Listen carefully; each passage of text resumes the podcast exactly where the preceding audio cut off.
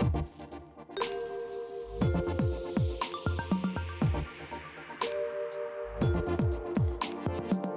Velkommen til Danmarks podcast for private investorer, Ophelia Invest Talks. Mit navn det er Sara Ophelia Møs, og jeg driver Ophelia Invest lidt endnu med mit committed team. Vores mission det er at skabe rum for læring, og vores vision det er, at alle danskere ved, at investering er på bordet, hvis vi altså vil det. Strukturen er, at vi udkommer cirka tre gange ugentligt, og det gør vi september 2022 ud, og så gør vi det ikke mere, men alle de tidligere episoder bliver liggende. Vores hovedsponsor her i 2022 har været Nasdaq Copenhagen, altså den danske børs, og tusind tak til dem. Dagens tema, det er ikke så meget tema, som det er en vis øh, herre. Temaet, det er Kurt Kar. og øhm, vi sidder på et tæppe på mit gulv i min lejlighed på Sølvtorvet i København, hvor Kurt har været så sød at, øh, at kigge forbi til en timesnak om, hvad vi nu får lyst til at snakke om. Og det er faktisk første gang ud af næsten 250 afsnit, at jeg ikke har haft en spørgeramme. Men øhm, nu er det måske sådan noget 4-5. gang, jeg snakker med Kurt, og øh, vi plejer at leve tør for tid, bare lad mig sige det sådan. Og hej til dig, Kurt. Hej, hej. Hej. Dejligt at være her. Yes. Øhm, til dem, der lever under en sten og ikke ved, hvem du er, Kurt. Øhm, kan du så ikke lige fortælle en lille smule om dig selv og din baggrund, og hvad du laver til daglig? Jo, det, det kan jeg godt. Udover at sidde i mermaid-stilling lige nu ja. her på dit gulv. den, den lille, det er meget yndigt. knap så elegante jomfru, der sidder her. Så øh, jamen, jeg, er jo, jeg sidder jo og arbejder med value-aktier inde i Mind Invest, hvor jeg er aktiechef. Øh, øh, det, er jo sådan en, det er jo bare en titel. I virkeligheden er vi jo et team på tre, der arbejder derinde.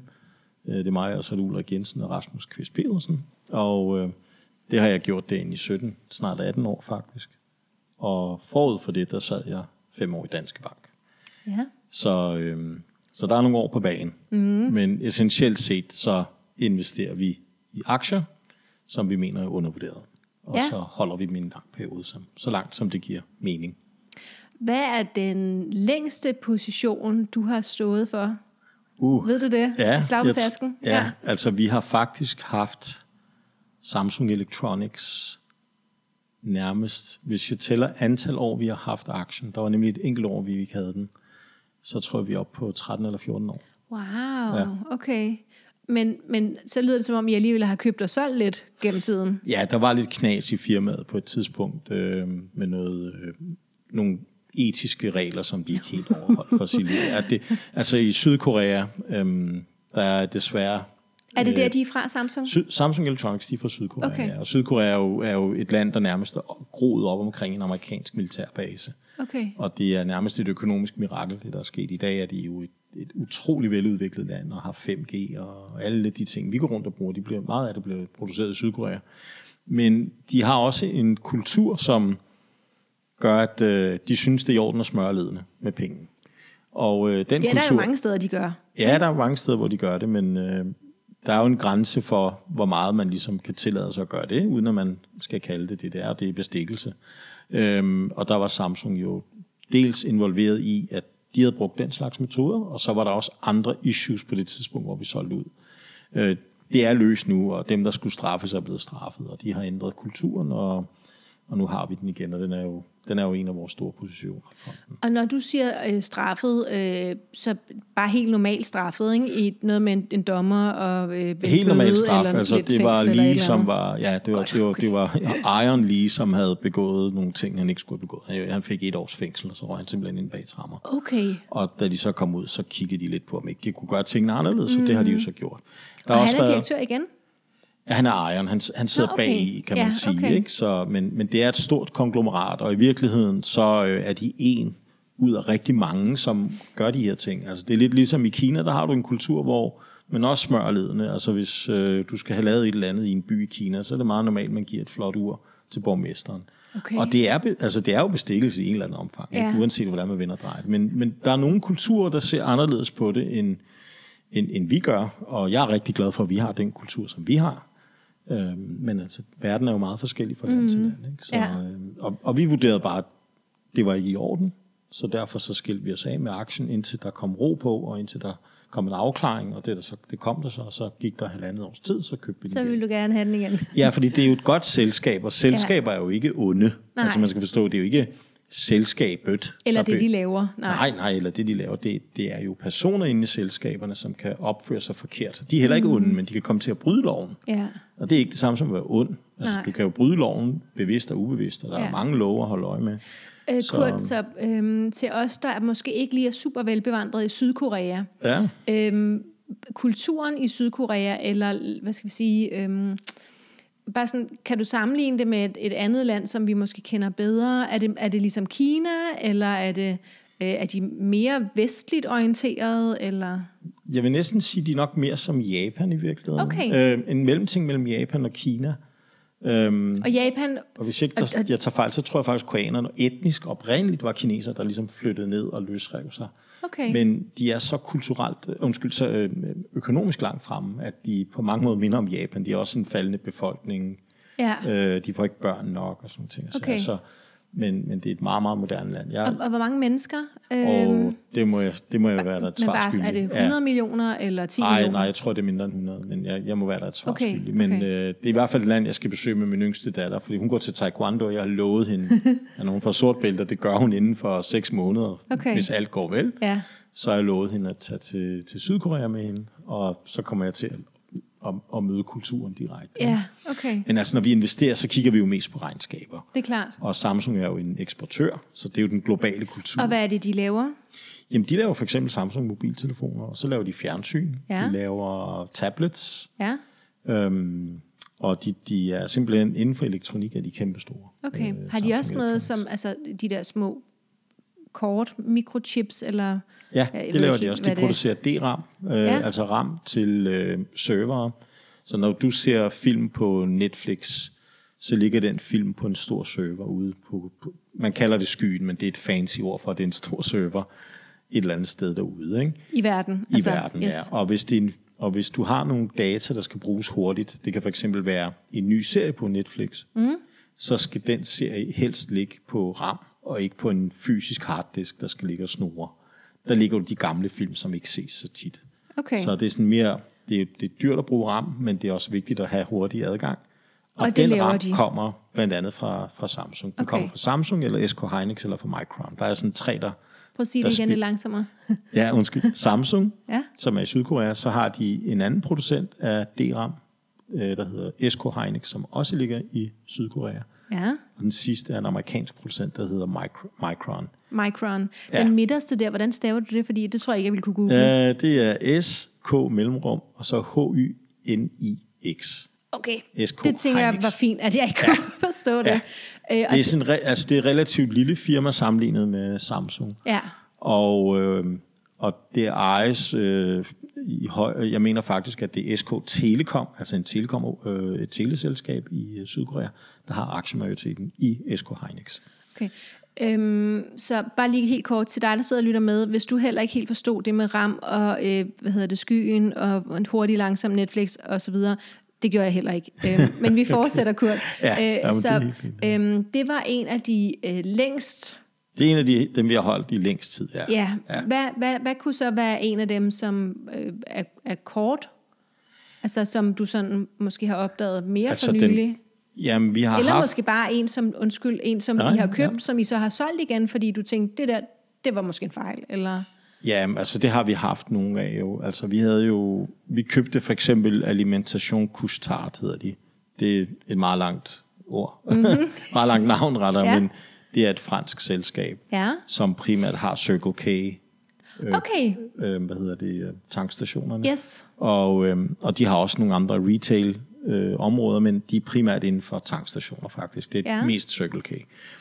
Og vi købte dem, fordi de havde en målsætning om at sætte ellader op på alle tankstationer. Og det mente Ja. vi var en god idé, mm. fordi vi vil gerne... Altså nu er det her ord grøn transition, det er jo sådan lidt nedslidt, ikke? Altså det blev sådan brugt i flæng, ligesom ordet velfærdsstater. Der er nogle ord, der bare... du Synergi, det er mit Ja, synergi, altså Ja. du kan simpelthen hælde alt ind under de der ord der, ikke? Altså, og uden at være særlig specifik. Ja. Men de var jo meget specifikke Ja. og sagde, at de ville have elladere, og det ville de have på alle deres nordamerikanske stationer, og også i Europa. Ja, Øhm, så vi købte den. Øhm, og det de også sagde, det var, at de ville helst ikke købe andre virksomheder. De ville helst gerne have, at der var tale om, øh, hvad kan man sige, organisk vækst. Og, Ja. Altså hvor de ligesom selv investere, købte sig og til, hvor de ikke øh, køber sig ja. til noget. Og skulle de endelig købe sig til noget, så ville det kun være nogle sådan små akquisitioner, hvor det var i gode selskaber. Ja. Og så havde vi aktien i, jeg tror det var i seks måneder. Og så meldte de ud, at de ville, købe, de ville gerne købe Carrefour i Frankrig. Er det noget supermarked? Ja, eller? det er supermarkedskæden, og det er Ja. den, øh, undskyld mig, værst drevne kæde, Okay. som man simpelthen kan finde. Og, øh, og de vil give en meget høj pris for Carrefour. Okay. Og det, som de også ville, var for at gøre den franske øh, indrigsminister og arbejdsministeriet og så videre i Frankrig tilfredse, så sagde de, at de ville ikke skære i medarbejderstaben. De ville ikke gøre noget som helst de første fem år, bare de fik lov til at købe det her. Ikke? Okay. Og nu går jeg ikke ind for fyring eller noget. Jeg Nej, mener, nej, men hvis det er altså, dårligt men hvis drevet, det så er skal man jo dårligt rette drevet, op. så er man Ja. jo altså nødt til at rette op på mm. det. Ikke? Og, og det er jo også det bedste for, for samfundet på sigt, Ja. at man ikke har de her zombie-selskaber, som du ved, det er sådan de levende døde. Ikke? Altså firmaet burde måske bare gå ned, eller i hvert fald lige blive fuldstændig rusket op i. Ikke? Ja. Øhm, men, øh, men da vi hørte det, øh, der var øh, Ulrik og Rasmus og jeg, vi var temmelig klare og tænkte, det her, det, det går ikke. Det var ikke det, I Nej, havde signet det var op ikke til. det, vi signede op til. Og de, har, de gik imod, hvad de selv skrev, og hvad de selv sagde. Og øhm, altså, hvis vi ville have Carrefour, så havde vi jo bare købt Carrefour. Ja. ikke? Altså, der, var hvor, altså, du ved, hvis du vil, hvis Ja. du vil klø dig i øret, så tager du ikke den hånd, der er på den modsatte side, vel, og griber rundt om hovedet og så ned. Ikke? Det, er jo, det er jo den længste vej. Ikke? Så klør du bare i hovedet med den side, hvor øret sidder. Så der er ikke så meget der. Nej. Øhm, Så den røg ud igen? så den røg ud igen. Det var en hurtig en, øh, hvor, vi, hvor vi virkelig var hurtige på aftrækkeren. Ja. Der skete så paradoxalt det, at, at handlen gik ikke igennem. Og så Okay. steg aktien jo selvfølgelig ja. på det. Så man kan sige, mål på aktiekursen var det en fejl at sælge den. Men øhm, vi havde mistet tillid til ledelsen. Fordi de ikke gjorde det, de sagde, de, De ville gjorde gøre. ikke, hvad de sagde, og, og, og i stedet for at bygge værdi op, så ødelagde de nærmest værdi. Mm. Øhm, de var, og, og det kan man jo ikke leve med, fordi det kan godt være, at denne her ikke går igennem, Ja. men så går de måske ud og laver et nyt dumt opkøb. Ikke? Ja. Og der er problemet jo, og det ser man over det hele, at øhm, en ledelse, der laver et dårligt opkøb, bruger et specielt ord, som gør det meget svært at kritisere dem. Det er ordet strategi. De siger, det er et strategisk opkøb. Og så begynder jeg at få røde knopper rundt omkring, og jeg begynder at få allergisk udslæt, fordi vi er ikke interesseret i at købe store, store strategiske tænkende CEOs. Vi er interesseret i at købe CEOs, der hver dag bare gør en lille bitte smule, for at virksomheden kører lidt bedre hver dag. Ja.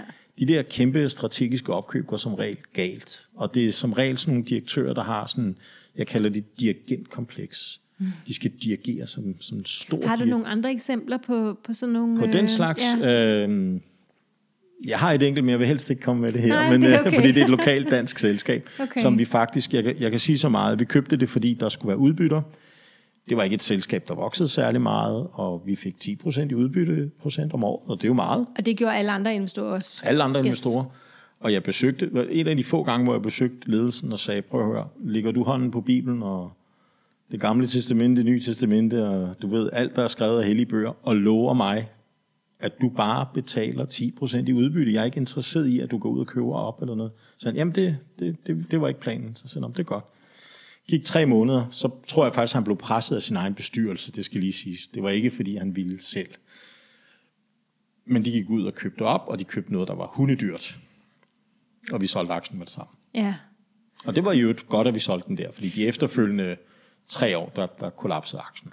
Og øhm, hvis, hvis vi så skulle prøve at summe det op i måske et godt råd til den private investor, der sidder og lytter med her, og mig, øhm, så kan du sådan prøve at sætte det lidt på formel, eller sådan, øh, ja, et, et lille godt råd til den private investor, baseret på de ting, du sidder og snakker om der?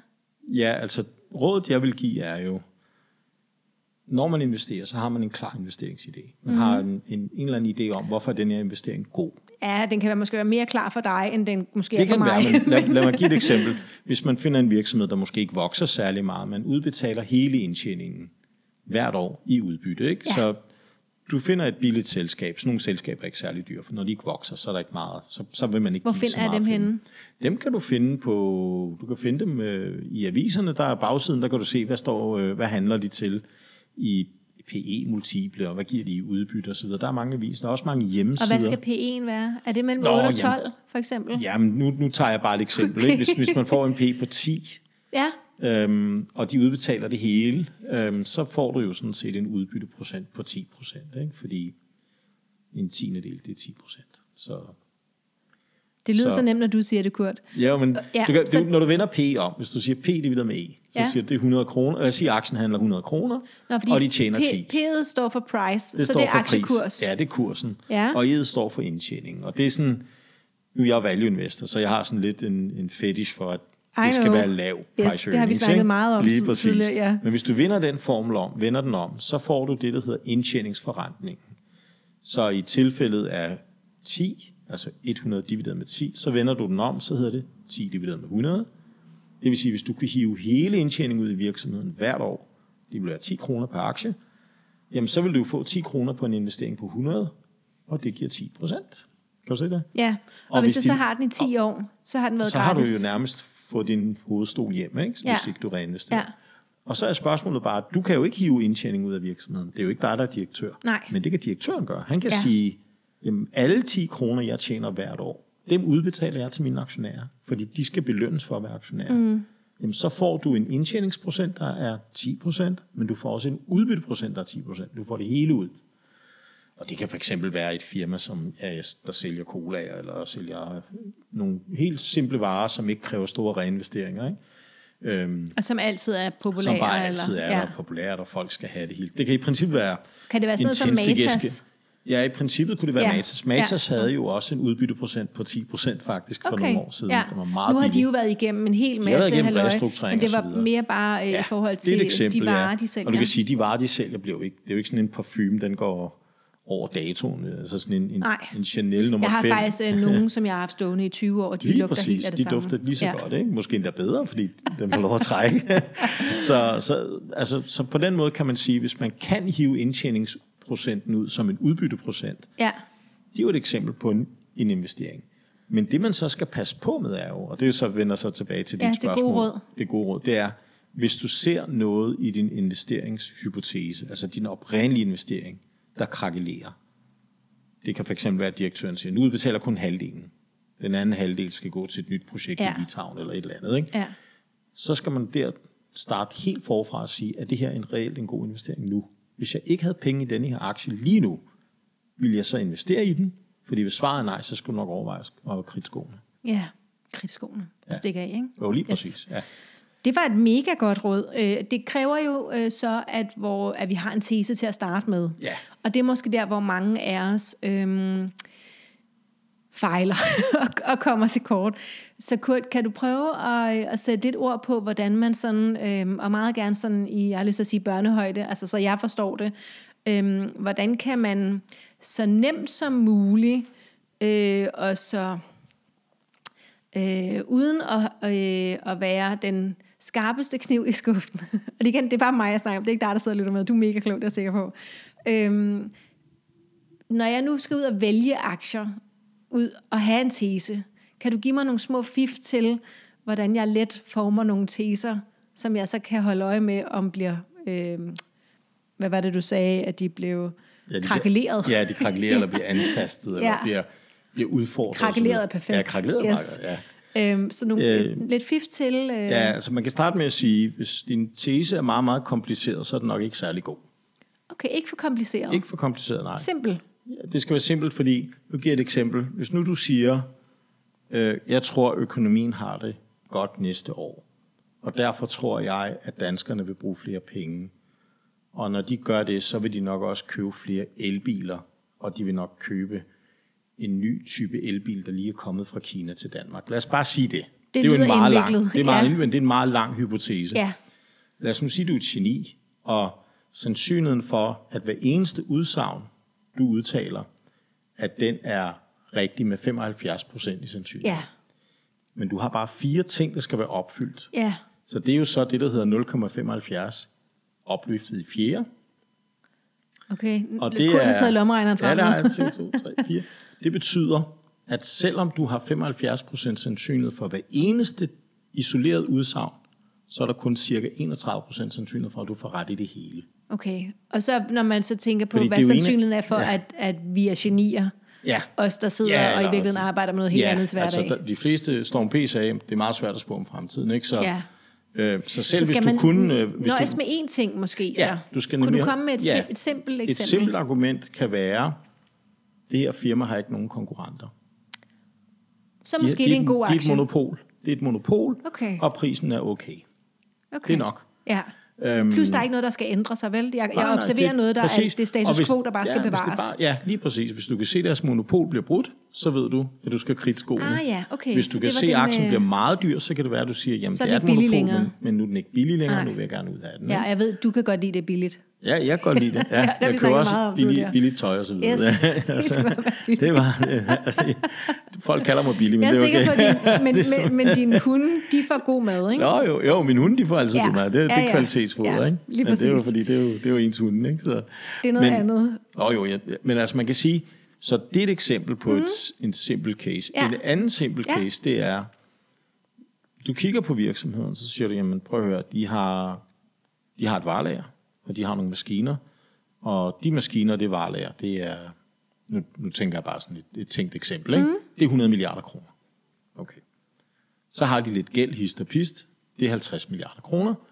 Så hvis jeg kunne sælge de her maskiner, jeg kunne sælge varelageret med det samme, Og og betalt min gæld af, så er der 50 milliarder tilbage. Ja. Så kigger du på markedsværdien, den er 20 milliarder. Så er der 30 i overskud. Så siger de, at det, det hænger ikke sammen det her. Den er simpelthen mindre, markedsværdien er mindre, end hvis jeg købte virksomheden, likviderede den, og solgte aktiverne fra og betalte gælden. Ja. Jeg har reelt muligheden for at få 50 milliarder for 20 milliarder. ja.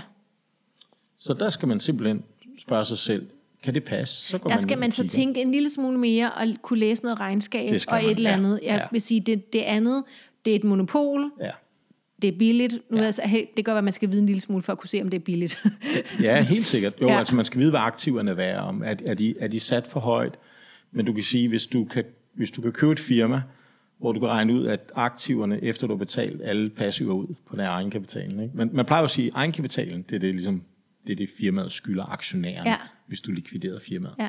Hvis egenkapitalen er meget mere værd end markedsværdien, så er der altså nogen, der mener, at aktiverne skal falde i værdi. Og det kan også godt være, det er nogle bygninger, der er værdiløse, mm. eller det, de ejer nogle skibe, men skibene de skal smides ud, de skal skrottes, fordi de kan ikke Ja. repareres osv. Men alt det må man så kigge igennem. Ikke?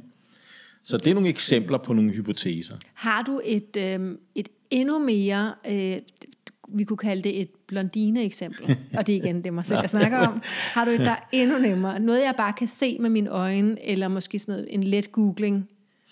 Nej, jeg tror ikke, jeg tror det er meget, Så nemt meget er det svært. ikke at investere. Nej, nej man, man, man er nødt til at finde lommeregneren frem. Ja, Ikke? Altså nu okay. forleden fandt vi et guldmineselskab, Ja. som, som har... Øh, Vi må ikke høre, hvad det er for net, vel? nej, jeg, Det, det, det er kun fordi, at Ja. min, min, Må jeg sætte et jurister... eksempel på? Øh, Undskyld. må Ja, jeg du- sætte et eksempel du på? må gerne sætte et ja, eksempel så, på. Øh, jeg har været rigtig glad for Barrick Gold Corporation, Ja. som jeg har Ja. investeret i af flere omgange, Ja. og faktisk også lavet Ja. ret flotte penge på Ja, den. det er så faktisk den, vi har købt, men jeg vil så ikke lade være med at tage det som en anbefaling. Ja, det er det heller ikke. Fordi det må jeg ikke. Men Det er det, jeg nu nævner jeg det, fordi det er et eksempel. nyt køb, vi Ja. har lavet. Ikke? Og så kan jeg fortælle, hvor, hvorfor vi har gjort det, Ja, og så endelig. kan folk være uenige. Og Jeg har ikke Sådan haft er det nogen... Øh, vil du Nej. høre min grund først? Ja, ja, ja. Jeg kan godt lide, at de går på arbejde hver dag. Ja, jamen det er også en god grund. Ja. Versus at ja. bare købe guld, der ligger Ja, det er i også en ri- øh, bankboks. Ikke? ja, lige jeg kan godt lide præcis. det der med, at De der er nogen, der... guld, ikke? Ja, lige Det er præcis. rigtigt. Men hvis man kigger på deres regnskab, så har de jo... Og det er det, jeg mener med, at man er nødt til at finde lommeregneren frem nogle gange. Oftest er man nødt til det. Ikke? Ja. De har 69 millioner ounces guld. Det er deres proven reserves. Det vil sige, Hvad er en ounce? et ounce, det er cirka 28 gram. Det er sådan et gammelt mål, man har helt tilbage fra dengang. Modtaget. Øh, Yes. Og hvor mange af dem havde de?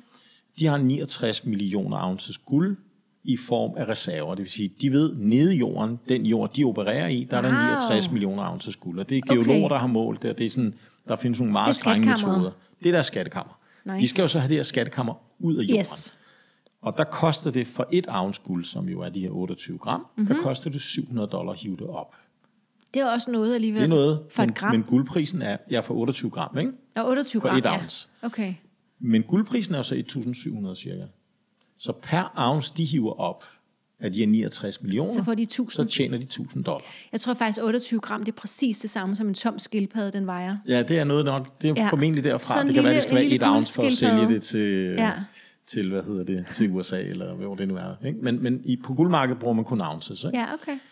Øhm, men nu kommer så tricket. Så Ja. du har 69 millioner. Hvis du kunne hive det hele op i dag, så var du så 69 milliarder dollar rigere. fordi Yes. det er 1000 dollar per ounce. Ja. Og Barrick Gold har så en markedsværdi i dag på cirka 27 milliarder dollar. Øh, 27 milliarder, og hvad var det andet tal? Det var 69 milliarder dollar. Der er en forskel på de to. Der er en forskel. Yes. Der er mere end dobbelt op der. Og det kan man så sige, det er jo så fordi markedet siger ja, men de kan ikke hive det hele op i dag, og vi ved ikke, hvad guldprisen er. Hvorfor kan de ikke hive det hele op i dag? Nå, fordi de, kan, de ikke... Der er en kapacitet, og de Og kan der er kun hive... 24 timer i døgnet. Ja, og Modtaget. 365 dage på et år. Ja. De kan hive, hvis man læser deres regnskab, 6 millioner ounces op Om, om året. Det svarer til 6 er milliarder. mange tal, det her, Ja, Kurt. det er mange tal, men det er bare for at vise, at nogle Ja. ja. gange er man nødt til ligesom... Ja. Og det er jo så øh, 6 milliarder dollar, de vil tjene om året, på bare på at hive de her 6 millioner ounce guld op. Ikke? okay, så de hiver 6, 6 millioner milliarder. ounce guld op med den guldpris, der er i dag, og den omkostning, de har, der kan du gange 1000 dollar på. I fortjeneste per ounce, det er 6 milliarder. Så de tjener 6 milliarder om året. Men de skal vel også bruge lidt til medarbejdere og sådan noget? Det er inklusiv. Det er jo cash cost. Okay. De 700 dollar, det er inklusiv alle omkostninger for her guld okay. Ja. Så det er, alt er dækket. Det Jeg får lyst til at blive guldgraver med det ja, samme der, her. Ja, men der er ja. lidt guldgraver i en. Ja. Det, men, men det der er min pointe, det er, så du kan jo sådan set sige, hvis, guld, hvis guldprisen holder sig her, omkostningerne holder sig her, så laver de 6 milliarder dollar i indtjening om året. Så kan, du, så kan man bruge matematikeren i en og sige, okay, nu har vi en inflation i verden på 10 procent. Ja, nu omkring. kommer der en flertal, kan ja. Mærke. Ja. Det ved de fleste, når de går ned i Netto og handler. Når de kigger på boligrenterne, når de kigger rundt omkring, så kan de se, at priserne er kravlet gevaldigt op siden Ja. sidste år. Så bare lige for at sige til øh, dem, der ikke ved, hvad inflationen skal være på, den skulle hellere være på 2%, lige i øjeblikket er den på 10%. Ja, den det er ikke så godt. op. Det er ikke så godt. Nej. Det kan vi mærke alle sammen. Yes. Ikke? Øhm, og det betyder jo så, at 6 milliarder dollar om et år er jo ikke 6 milliarder dollar værd i dag. Nej, Det er jo så 90 procent af 6 milliarder værd, fordi om et år er alle priser så er det steget sådan 10 noget 5 procent. milliarder, Ja, sådan 5, 400, ja, sådan, ja, cirka 5,4. Noget 5,4, et eller andet. Jeg kan ikke sige resten af 5,4, tallet. Ja, Ja. ja, lige præcis. Og sådan kan du regne ud år ud og år ind de næste mange år. Og hvis du bruger det, så regner man det frem, og så får du et tal, der hedder, at det burde være cirka 45-50 milliarder dollar hver firma. men det Så var kun 29, Det er 27. der er i dag. 27. Ja. Så, så, det, så vores hypotese er, da vi købte den, det er, der er godt nok regnet et styrtdyk ind i guldprisen. Ja. Eller Øhm. noget ekstra høj inflation. Eller noget ekstra høj inflation, som de ikke kan vælte over i guldprisen. Ja. Øhm, Ah, Og vælge der- over i guldprisen. Ja, Ja, man sender regningen videre. send regningen videre. Ja, smart. Og der skal man huske, at øhm, guld er jo en international vare. Den har samme pris i hele verden. Mm. Den kan bruges. Det er jo den valuta. Der. Okay. Det er derfor, du ikke må bruge den som handelsvaluta, fordi det vil de fleste stater ikke have, fordi så bruger du ikke deres valuta. Nej, okay. Og så har de ikke rigtig kontrol med, hvad du går rundt og laver. Nej. Så derfor må du ikke bruge guld som betalingsmiddel. I den amerikanske forfatning oprindeligt var det det eneste tilladelige Ja. betalingsmiddel. Gold Ja. and silver is, is legal tender, stod der. Ja. Det var netop for at undgå øh, papirpenge, ikke? som jo skaber inflation ofte. Ja. Og det er jo præcis det, vi oplever nu. Men det korte og lange er, det er et eksempel på en investering, som egentlig heller ikke er særlig øh, kompliceret. Der er noget guld under jorden, der er en guldpris, og det koster det her at hive det op. Og hvis jeg bruger 10% som tilbagediskonteringsfaktor, så kan jeg hive så kan Og jeg det var det her med inflationen. Ja, Yes, præcis. fordi ja. tilbage diskontering, det er sådan et sygt ord, som jeg tror, jeg aldrig kommer til at stå. Selv hvis jeg forstod det, ville jeg stadig Ja. synes, at jeg det kan forklare det på en nem måde til dig. Åh, oh, det er... Jeg, Er du jeg, sikker? jeg, jeg, okay. lad os lige pinde den et øjeblik Ja, okay, i vi hvert fald. pinder den lige. Øh, fordi at, øh, jeg vil hellere øh, lige så sige... Det lyder voldsomt øh, som sådan tilbagediskonting. Det er sådan Ja. noget, finansfolk elsker at bruge. Vi bremser den Vi bremser. Jeg skal lige samle op. Så øhm, det vil sige, at øhm, I har købt Barrick Gold Corporation. Ja. Det har også været min øh, favorit, og det har det primært været, fordi jeg har læst om den i et eller andet magasin, hvor der Ja, var nogen, der sagde noget klogt. Ja. Ikke? Og så tænkte jeg, og det virkede faktisk. Ikke? Ja, det er øh, men det havde formentlig også virket, hvis jeg havde købt et eller andet andet guld. Fordi Formentlig. det er jo Ja, det er jo meget guldpris, der det er er lige præcis. Ikke? Ja, øhm, og øh, så er det jo ikke en anbefaling, fordi det må I slet ikke Nej, lave, sådan jo nogen, der ikke arbejder med aktier. Nej, vi lige har en portefølje, og- og den nu indgår var det mig, der sagde navnet. Ja, ja, præcis. øhm, så det var bare lige sige til dem, der lytter med, at det her er ikke nogen anbefaling, øhm, men jeg har selv været fan af Barrick øhm, i de sidste fem år. Ja. Øhm, yes. Og så kan vi måske lige forklare, hvorfor at guld øh, også er spændende, og det er jo det her med vippen, at når, vil du måske fortælle? Nå, jamen altså man kan sige, i gamle dage, gamle, gamle dage, der brugte vi jo guld som betalingsmiddel. Ikke? Og øh, senere gjorde man det, man opfandt noget, der hed pengesedler. Og de pengesedler var indløselige i guld. Ja. Så grunden til, at vi havde tillid til pengesedler, var, at der på pengesedlen stod, at denne ene pengeseddel kan indløses i guld inde Ej, i tænker, hvis man centralbanken. kunne det stadig. Hvad siger du? sorry. Jamen, det kunne man helt frem til Ja. ja. 1971. Og der var der den her amerikanske præsident, der hed Nixon, som i øvrigt ikke er en, man husker for særlig mange gode ting. Blandt andet aflyttede han jo sine konkurrenter. I, øh, Det er både smart og lidt ulovligt. lige præcis. Ja. Øh, han er den eneste præsident, der blev smidt ud af det hvide hus. Okay. Men han gik af guldsystemet.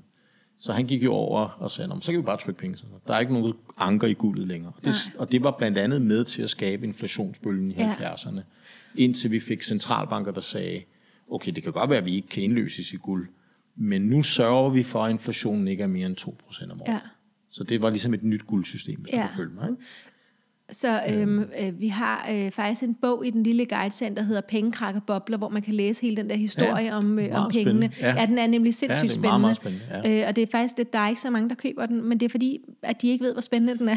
Nej, og jeg tror, man, man, man, man har en tendens til øh, at læse noget, når det er gået galt, eller når, Ja. når man er du ved, når, Ja. man plejer at sige, for barn blive ilden. Her der er det brand Ja. barn begynder at læse om ilden, Ja. ikke? Altså, altså, det, det er lidt Ja. det, der sker, ikke? Øhm, det jeg tænkte på før var egentlig det her med, at når aktierne går ned, så går guldet op, og når aktierne ja, går ja. op, så går guldet ned. Det så kan man være, kan bruge det ja. som den her sådan, forsikring.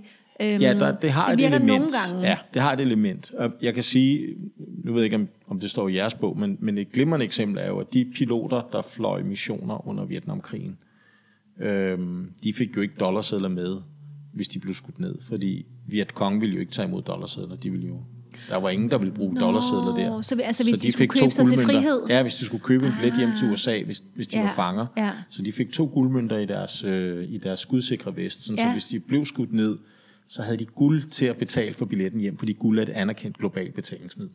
Ja. Og det var altså i 70'erne, der, da Vietnamkrigen rasede på sit højeste. Ikke? Så selv, øh, alle, alle historisk ved jo, at det er den effekt, guldet har. Ikke?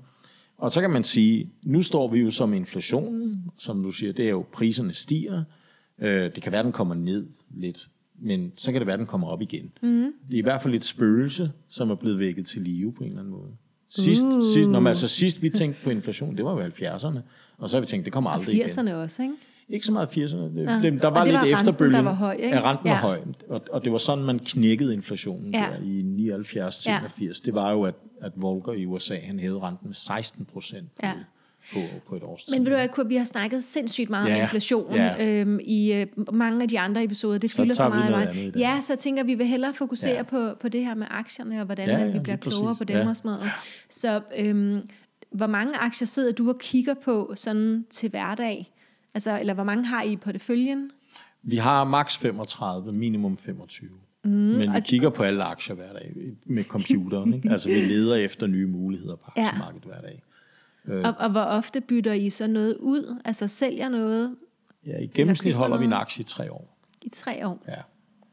Og, øh, men det er et gennemsnit, så nogle gange er det ligesom med alimentation couche der går seks måneder, så er vi ude. Den franske, Den der franske, købte der, den kanadiske, der, købte, der, der prøvede at købe en fransk kæde. Ja, Øh, og nogle gange er det ligesom øh, Samsung, hvor vi har den i meget lange strækninger, eller United Health Group, som vi solgte i år. Den havde vi købt, jeg mener, vi købte den i 2010, Ja. så den har vi haft i 12 år. okay. Men, Og så var du øh, blevet træt af den? Nej, den blev simpelthen for dyr. Okay.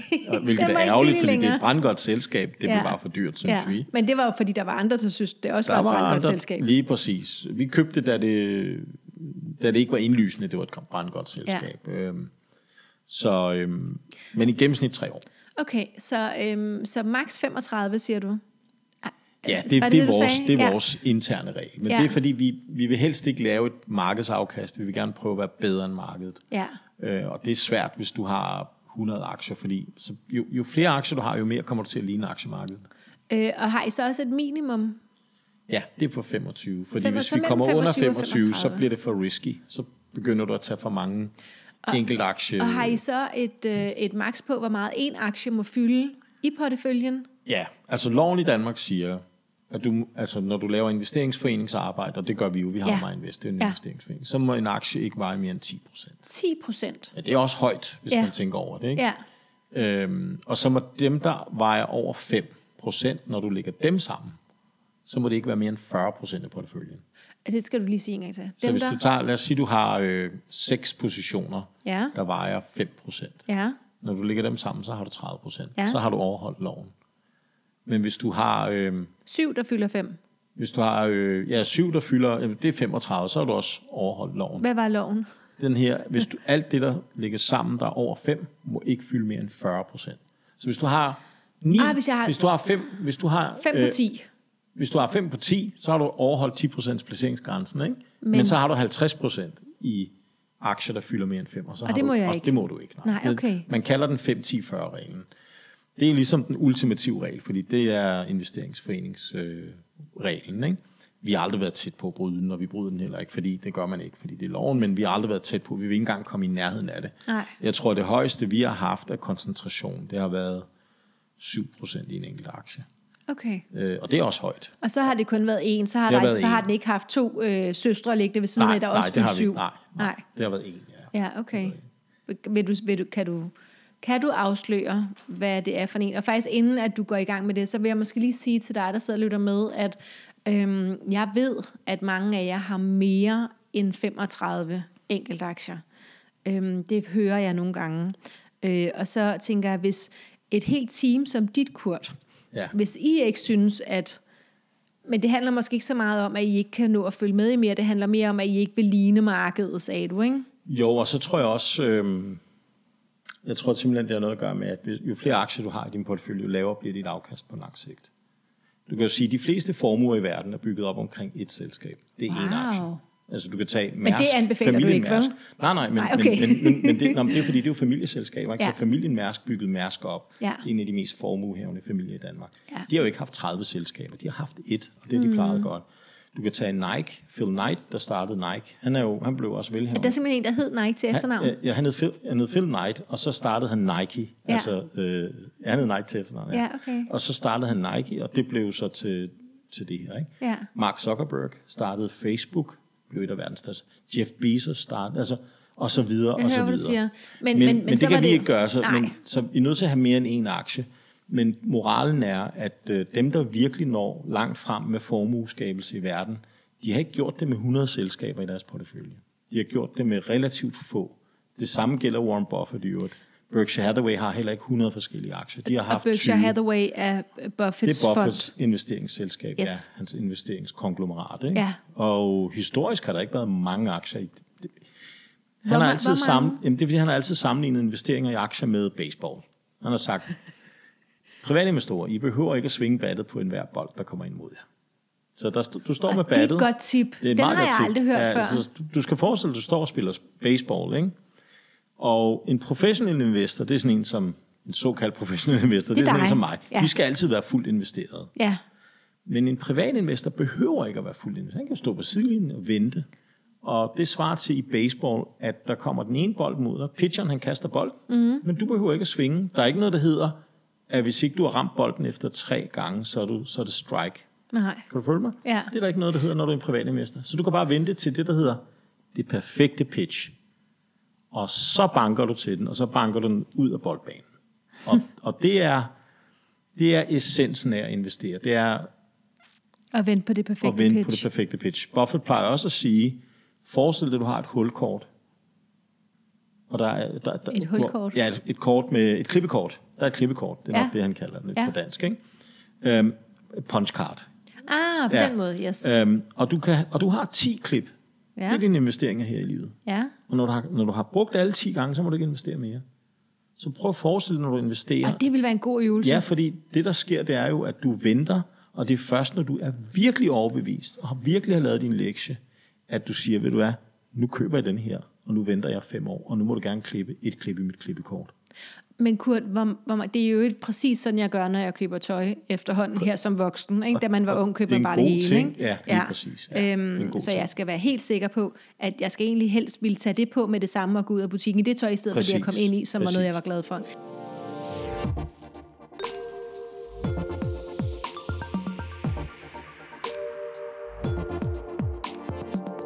Ophelia Invest Talks er sponsoreret af Nasdaq Copenhagen, Københavns Fondsbørs. Nasdaq tilbyder både private og institutionelle investorer en attraktiv samlet markedsplads, som muliggør at tiltrække risikovillig kapital til noterede selskaber. Det er med til at skabe vækst og innovation, arbejdspladser samt bidrage til den danske velfærd. Nasdaqs purpose er at støtte inkluderende vækst og velstand. Med ambitionen om at styrke stærkere økonomier og skabe mere retfærdige muligheder, er øget viden og adgang til de finansielle markeder for alle medlemmer af samfundet en vigtig hjørnesten.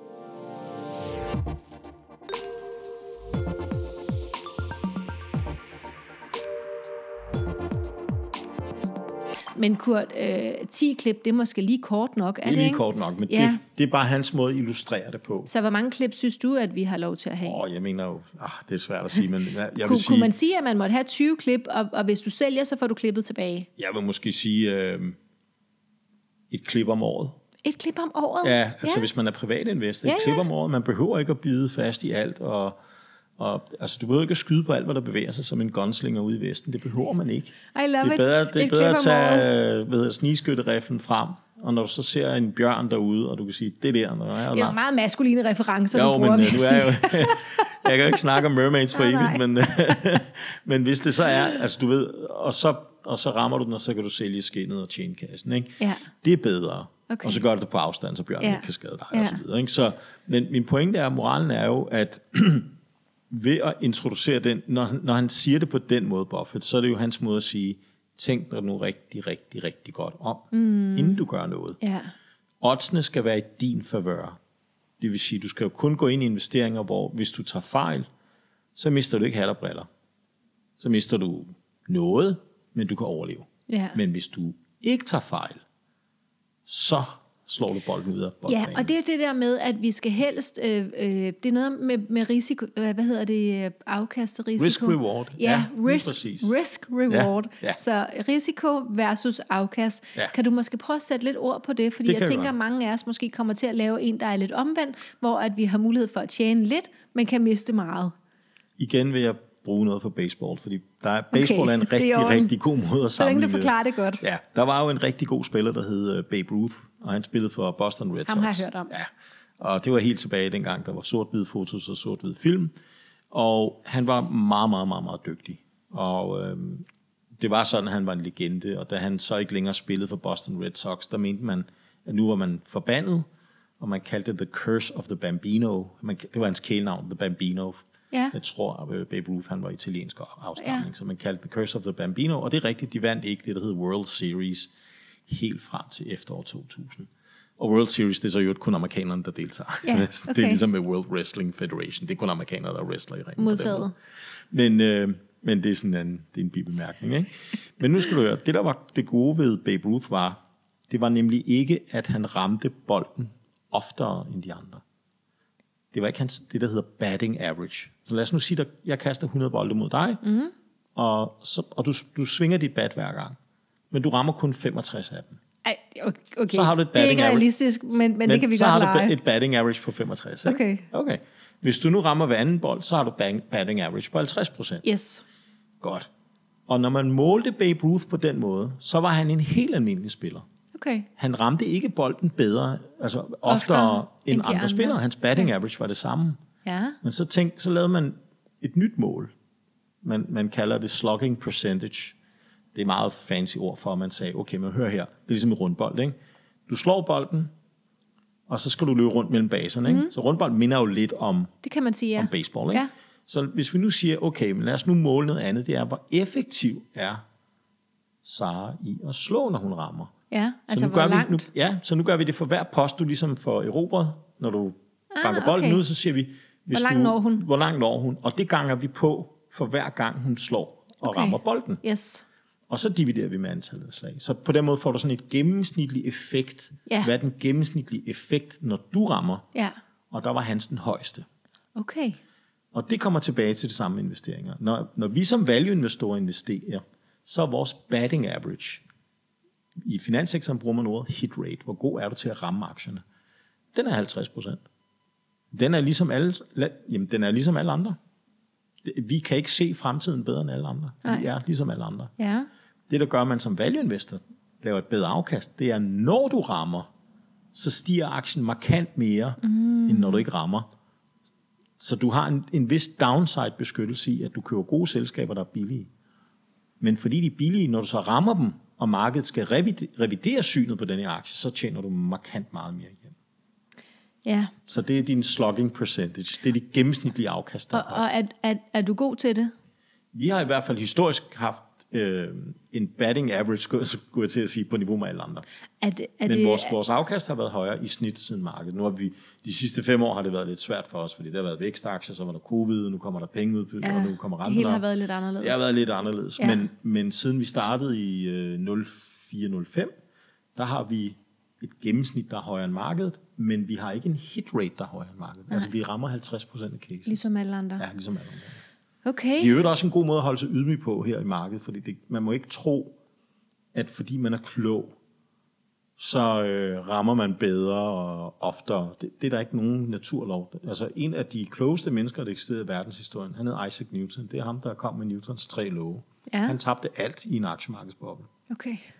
Kan du lige de der Newton, hvad er det? Newtons tre love, det er jo... Øh, Eller bare har- en af dem? Ja, eller en af dem, han det er, at, at, at hvis du, øh, det er jo, at, at øh, jamen, kraft er lige masse gange acceleration. Altså det, det er hans, jeg tror, det er hans anden lov eller tredje lov. Ikke? Øhm, og, Er det noget med noget kemi? Nej, det er noget med Fysik? Okay, fysik, Så yes. øh, ved hjælp af Newtons love, der kan du faktisk be, beregne planeternes bevægelser og ting og sager. Okay, så han, sådan det var ham, der opfandt, og han opfandt faktisk noget, der hedder differential matematik, som vi bruger den dag. Nej, nej, jeg bliver helt træt nu. Ja, Kurt. det er meget træt, ja, jeg ved. Ja, men, Vi- men, men, men det viser bare, hvor stort et geni han var.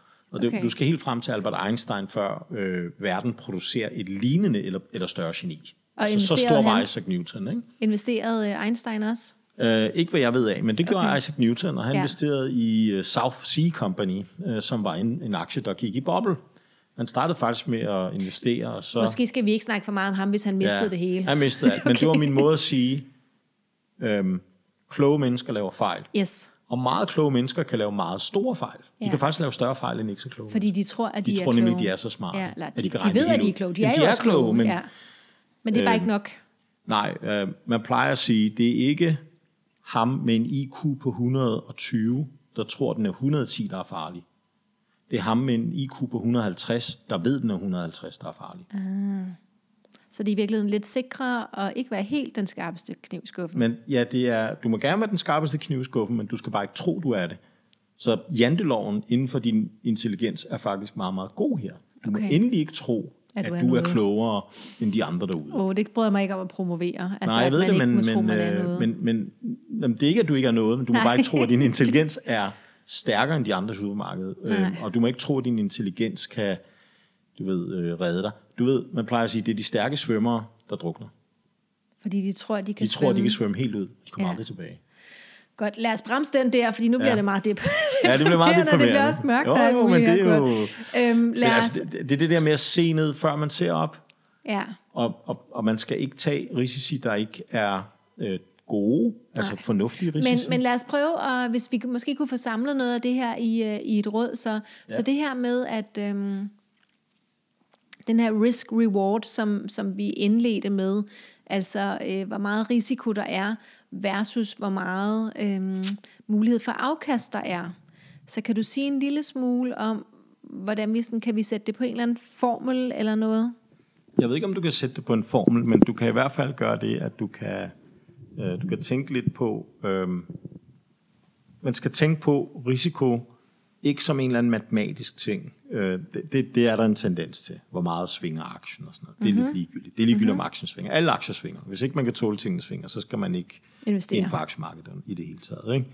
Tænk på det mere som, hvad, er, hvad sker der, hvis det går virkelig galt?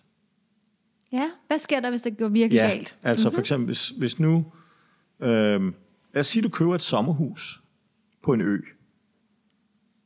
øh, som, og du kan se, det koster en million, men det er fint nok. Men så kan du se, på den næste ø, hvor der er, der kan du se præcis det samme hus, den samme størrelse, alt er identisk, det koster 200.000. Men på den ø er der en vulkan. Åh, oh, Så hvad for et hus køber du? klart det er uden vulkanen. Præcis. Ja. Så der kan du sige, Okay. der er mindre afkast, men din, problemet med risikoen er jo på vulkanøen, at den er jo så stor risikoen, at det er det, der hedder en katastroferisiko. Du mister det hele. Ja, og så ville det faktisk, hvis jeg sidder og tænker sådan, ja, men hvor længe er det siden vulkanen har været i udbrud, Kurt? Men Ja. i virkeligheden, så ville det ikke gøre mig tryg at vide, Nej. at den aldrig har været i udbrud, Det er fordi ligegyldigt. det der er en vulkan, stadigvæk- og den kan ja, komme i udbrud, og så mister Og så- du det hele. Ja, Lavaen er lidt ligeglad med, om, om man sidder og græder der. Ja. Ja. Der. Det er ligegyldigt. okay, det det var et Så super det, det er tydeligt eksempel. eksempel. ikke? Ja. Og, og måden, du kan bruge det på inde i aktiemarkedet, det er jo, hvis du ser selskaber, som reelt kan gå konkurs. ja, Det er vulkanen, der venter på at komme i udbrud. kan det gå konkurs? Hvis de kan det, så skal sådan et selskab jo være billigt.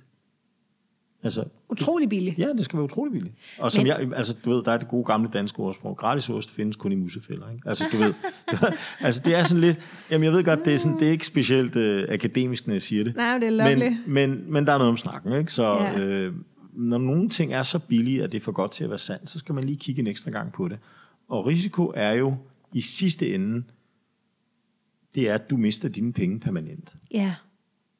Og, øhm, men Kurt, kan alle selskaber i princippet ikke gå konkurs? Jo, i princippet. Det er bare markant sværere for nogen, end det er for andre. Kunne du prøve at fortælle om, hvad, hvad kunne være nogle eksempler på selskaber, som øh, det, det vil være urealistisk i konkurs i den tid, jeg lige har aktien? Ja. Der er ingen, der er gået på konkurs, uden der har været gæld involveret. Så hvis et selskab ikke har gæld, så er det meget, meget svært at gå konkurs. Og Alle selvom konk- det er et lille selskab? Ja, også selvom det, altså, det er det samme. Det, Ja, altså, okay. konkur, det er lidt ligesom en privatøkonomi. Når, privatøkonomi, når privatpersoner går konkurs, så er det jo fordi, de har for meget gæld. Der er ingen, der er gået konkurs af at have for mange penge. så hvis du har et firma, som ikke har nogen gæld, men har masser af kontanter liggende på deres bankkonti, og har en fabrikshal, og tingene kører, ja, der kan godt komme en krise, selvfølgelig, men de, går, de drejer ikke nøglen om på en dag. Nej. De kan dreje nøglen om på 10 år, men det du ikke vil have, det er et firma, der kan dreje nøglen om på en dag. Ja, vulkanen, der Ja, bare vulkanen, kommer med lavaen. pludselig- ja, præcis, ikke? Er, er der andre, andre ting, du Så- kan hive frem end Ja, gæld? så kan du sige, så er der jo firmaer, som har så stærkt et produkt, at det jo er meget usandsynligt, at selvom de havde noget gæld, at de så ville gå ned. Øh, nu igen, jeg, jeg må ikke anbefale aktier, så det her det er ikke en aktieanbefaling. Nu taler vi bare risiko, men et eksempel Ja. ja. er for eksempel Coca-Cola. Coca-Cola er jo på mange måder den mest, det, det er den perfekte virksomhed i virkeligheden, fordi vi drikker cola, og det gør vi, og det bliver vi ved med, og det gør vi formentlig også om 50 år. Ja. Og, øh, og man har fundet ud af, at hvis der står en cola, så tager folk cola ind og drikker den. Og Altså du- hvis den står ved hvis, siden af noget Ja, andet? så længe der er en cola tilgængelig, så er folk tilbøjelige til at drikke cola. Typisk, ja, okay. Øh, og øh, det er også sådan en ting, der ikke koster så meget, at du ikke har råd til den. Så hvis cola hævede prisen med 10 procent, det, det er folk skræmmer ikke med. Det skræmmer ikke noget. Og hvis du skal have en pizza, så skal du have en cola ved siden af. Og Ja, så videre, så og man videre, ikke? vælger ikke en harbo. Ah, jamen, det kan du godt. Det, det er også en god en. Men det gør folk ikke. Men det gør de ikke. Nej. Og det sjove er, at mange gange, så hvis du laver blindetest, så, så vælger de ikke nødvendigvis Coca-Cola. Når de så tager bindet af, så tager de Coca-Cola. Ikke? Så Ja. stor er effekten af det brand. Ja. ja, fordi det har de bare gjort godt. Det har de gjort godt, fordi Ja. de, har blitz, de har jo blitzet vores nethænder med, at du er lykkelig og glad, når du har en cola. Ja, og lidt det, sej. Ja, du, altså det er jo ikke reklamer, der viser, at du tager en cola, ved, siden- når der er begravelse eller sådan noget. Det er Nej. altid, når nogen bliver gift, eller der er en fest eller et eller andet. Ikke? ja. Så, så man får den der, man er podet med, at man er glad, hvis man drikker det her. Og, og, og det har man jo gjort igennem 100 år i biografer og på mm. reklamer på busser osv. Ja. Og det er ikke kun cola, det samme gælder mange andre mærkevarer det her. Så nu nævner jeg bare cola som et eksempel. Ja. Øh, og der er ikke noget galt i det. Det er sådan, det er nej. sådan kapitalisme virker. Altså, Ja. Det er jo bare sådan, det virker. Og, og nogen har været kloge og set det. Så og, mærkevarer generelt? Mærkevarer kan bedre klare sig, også selvom der er krisetider. Især hvis det er knap så dyre mærkevarer, men for eksempel en cola vil jeg påstå er en mærkevare inden for, inden Helt for drikkevarer. Ja, ja. En, en Bacardi er det måske inden for, inden for alkoholiske varer. Ja. Du har altid råd til at købe sådan en. Du har også råd til at købe en cola. Det er noget andet, hvis det er en eller anden vanvittig dyr bil. cola? Eller, ja. Ja, det, jeg, jeg, jeg drikker ikke meget rom og cola, men uh, det er et godt eksempel. Det, Det kunne man jo gøre. eksempel, Ikke? Så der ja. kan du sige, så folk fester jo, og folk tager det. Og det man, altså, der er bare en tendens Og det til... er også, hvad, hvad så med sådan noget som iPhone, som jo er dyrere? Det koster øh, et sted mellem 5 og 10.000 kroner. så længe Apple har fat om brugeren gennem operativsystemet og gennem alle de der ting, der gør livet lettere for dig, mm. så har de jo fat om dig. Øhm, men teknologi og telefoner er ikke nødvendigvis så stærkt som en cola. Og der kunne, øh, er det Nokia, der er et godt eksempel der? Nokia på er det et glimrende modsatte? eksempel. Kan du prøve at fortælle, hvad det var, ja, der altså, skete der? øh, Nokia var jo den største, det var den største virksomhed i 2000. I hele verden? I hele verden. Jeg mener, det var altså den største, allerstørste virksomhed? Ja, jeg mener, det var den allerstørste virksomhed. Nokia og Ericsson var faktisk også blandt top 10. Er, var det svensk? Øh, det var svensk, ja. Wow, finsk det var og lidt svensk. flot. Ja. Ja. ja. Så Nokia var finsk, og Ericsson var svensk. Og, øhm, og det var sådan en sjov verden, så når man så øh, Mission Impossible, så alle good guys, de havde Nokia, alle bad, alle bad guys havde Ericsson. Ikke? Det var sådan, Okay. okay. på en eller anden måde, så lavede man lidt i filmen sådan på den måde der. Men, men essensen af det var jo, at det her var kæmpe, kæmpe selskaber. De havde også masser af kontanter. Ja. Og så skete der bare noget i 2006-7 stykker. Det var, der kom en ny telefon på markedet, som ingen havde hørt om før. det Den hed- Det hed en iPhone? iPhone, ja. Okay. Og den var markant bedre end Nokias telefon. Fordi Nokia, til, til dem, der er unge, som lytter med, og vi Ja. har mange unge lyttere, Ja, ja, så er en Nokia, den som jeg havde, Ja, øh, hvad ja. har det været, sådan noget 98, 96 tilbage dengang. Ja, ja, det Det passer var mig. sådan en, den var blå, den Ja. var meget lille. Ja. Øhm, den kunne ligge inde i, måske fyldte den sådan en halv håndflade eller sådan noget. Den var meget lille, ja. og så skulle man åbne den, ikke, for at snakke i den. Jo, jo, og det var og dejlig- altså, altså, det var meget småt, det, Det var hele. meget småt, og du havde en lille bitte skærm, som du var ikke gøre 2 gange meget. 3 cm eller Ja. sådan noget. Ikke? Og, og du havde kun tekstkoder, og du havde ikke rigtig noget internet, selvom Nokia var med til at opfinde mobilt internet. Øh, så var der ikke rigtig noget stærkt internet dengang. Nej. Men det, som Apple havde regnet ud, var, at hvis du kunne levere en skærm, der var større, så skulle du fjerne tasterne. Så det gjorde de. Så du fik en touchscreen. Og det var også helt sindssygt, Det var helt sindssygt. Altså, ja. det var så stor en wow-effekt. Mm. Man måtte bare have en iPhone. ja. Ikke? Og Nokia blødte markedsandel, og i løbet af to-tre år, så, øh, så mistede de alt og var nærmest på konkursens rand. Så, og det viser, at teknologi er, Det er en joker. det er en, ja det er det, fordi Ja. øh, det du køber, det er en funktionalitet. Og det kan godt ligne et smykke, det kan være dejligt og være smukt og være lækkert og have mange megapixel kameraer. Men den dag, der kommer en og leverer markant bedre teknologi, så er man Så det bare ærgerligt. Ja. Ja. Så for eksempel nu, altså nu er det ikke fordi, nu tænker jeg bare sådan ud af hovedet. Lad os nu sige, at Tesla fik ideen om, at nu siger vi, nu laver vi en Tesla-phone. Der har været rygter om det. Mhm. Mm-hmm. Og du ved, der er nogle Starlink-satellitter rundt omkring i verden, som Elon Musk har sat op med jeg ikke, SpaceX. men jeg hører, hvad du siger. Der er sådan en masse små mikrosatellitter i kredsløb om jorden, som Ja. giver internet gennem satellitterne. Okay. Det er blandt andet sådan, Ukraine har fået internet. Jeg mener faktisk, at Tesla sendte ruter til Ukraine, sådan, så de er på nettet nu, ikke? og kan sende billeder af, hvad der foregår. Øh, men lad os nu sige, at der kommer en telefon fra Tesla. Øh, rygterne siger, at den hedder Piphone. Nu, jeg ved ikke, altså vi finder ud af, om det er rigtigt eller ej. Ikke? Ja. Der er mange rygter altid. Men lad os Ja. sige, og så siger man, okay, den her telefon, den er på internettet hele tiden gennem satellitterne. Du behøver ikke at købe dit internet. Satellitterne ejes af Nu SpaceX. køber jeg mit internet nu. Ja, du har et uh, mobilabonnement i dag, så Ja, du betaler okay. en flad rate. Ikke? Men det kan være, at hvis Elon Musk lancerer den her telefon, og han siger, prøv du er bare på satellitterne, du er internettet Så, over det så hele. den er gratis til hverdag, den er gratis så du skal bare til købe den. Ja, og du har masser af hastighed. I øvrigt, så hvis Og man du kan har også en, ringe til folk stadig. Ja, så ringer Ja. du bare gennem satellitten. Okay. Ikke? Det fikser de gennem satellitterne.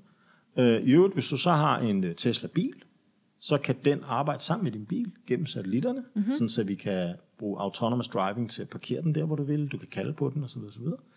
Derudover Og kan man... kalde på den, så kom jeg lige øh, Zorro og hest, er, er det Lucky Luke, ikke, der lige pifter, så Jo, jo, kommer... jo, jo, øh, ja. Jolly Jumper der, ja, så kommer han med det ja, samme. Ja, ja. ja. Okay, det har vi og alle kan- sammen ønsket os ja, lige siden. Og så, lige præcis. Ja. Og så kan det være, at telefonen øvrigt har indbygget solpaneler i glasset, sådan så det der er din touchscreen, det kan du lægge ud, sådan så når solen skinner, så lader den op. Ja, i stedet for bare at brænde I sammen. stedet for, at du hele tiden, ja, i stedet for at brænde Ja. sammen, eller at du skal finde et eller andet ladekontakt Ja. eller et eller andet, så Ja. lader den op i solen direkte.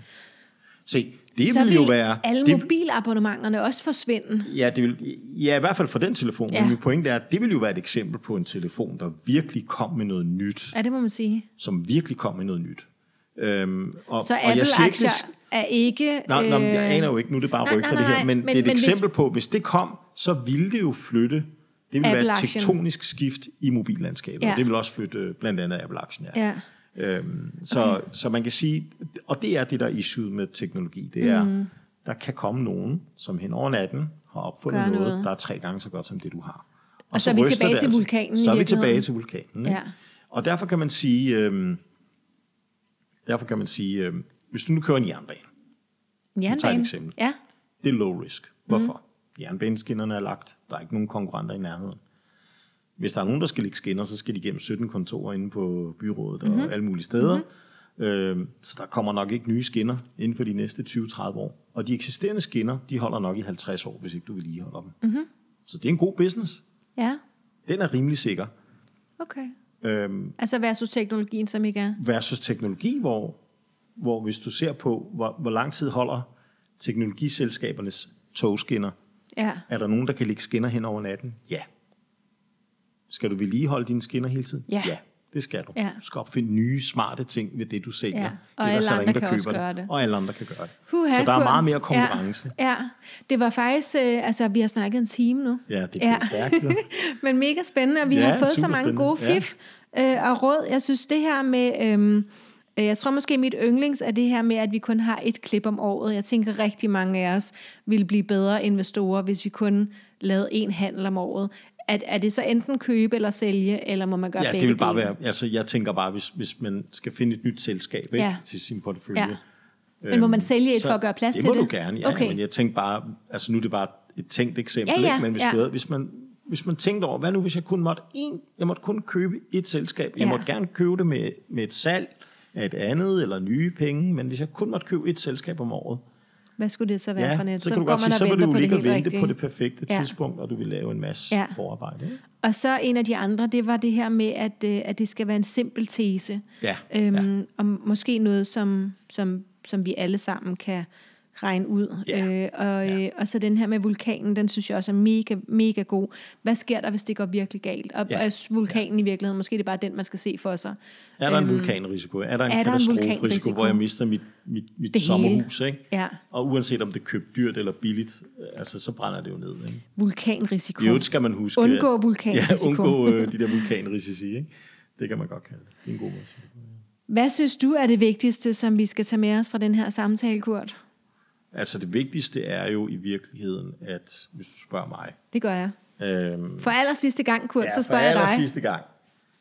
Øhm, det bliver et, et lidt langt svar på mindst et minut. Det er i orden. Det er så skal godt. du starte nu. Ja, du ved, hvis du spørger en person, hvordan skal jeg have et lykkeligt liv, så kan man jo skrive 17 bøger om det. Der er sikkert mange, der har skrevet rigtig mange coachingbøger om det. Du kan også bare øh, skrive ned, hvad man ikke skal gøre. Lad være med at tage narko, lad være med at tage for meget gæld, du ved, lad være med at slå nogen ned på gaden, lad være med at slå folk ihjel, lad være med at lyve, lad være med at stjæle. Så skal resten nok være godt. Det er det samme, når det gælder investeringer. Du behøver ikke at være et geni. Du behøver ikke at gøre alle mulige rigtige ting. Det handler om at undgå at gøre de forkerte ting. Lad være med at købe for dyrt. Lad være med at købe den der vulkanrisiko. Lad være med at have alt for komplicerede investeringshypoteser. Altså, det, er- det er mange gange det, du ikke skal gøre. Mm. Så man kan sige, det, der var en klog investor, der sagde, det er lidt ligesom at løse ligningen x. Så du har en ligning, der står x plus 5 er lige x minus 7, eller et eller andet, ikke? Du ved, så skal du finde ud af, hvad er x. Men du kan da sætte alle mulige tal ind i x, for at finde ud af, om det er x. Du kan også bare isolere x.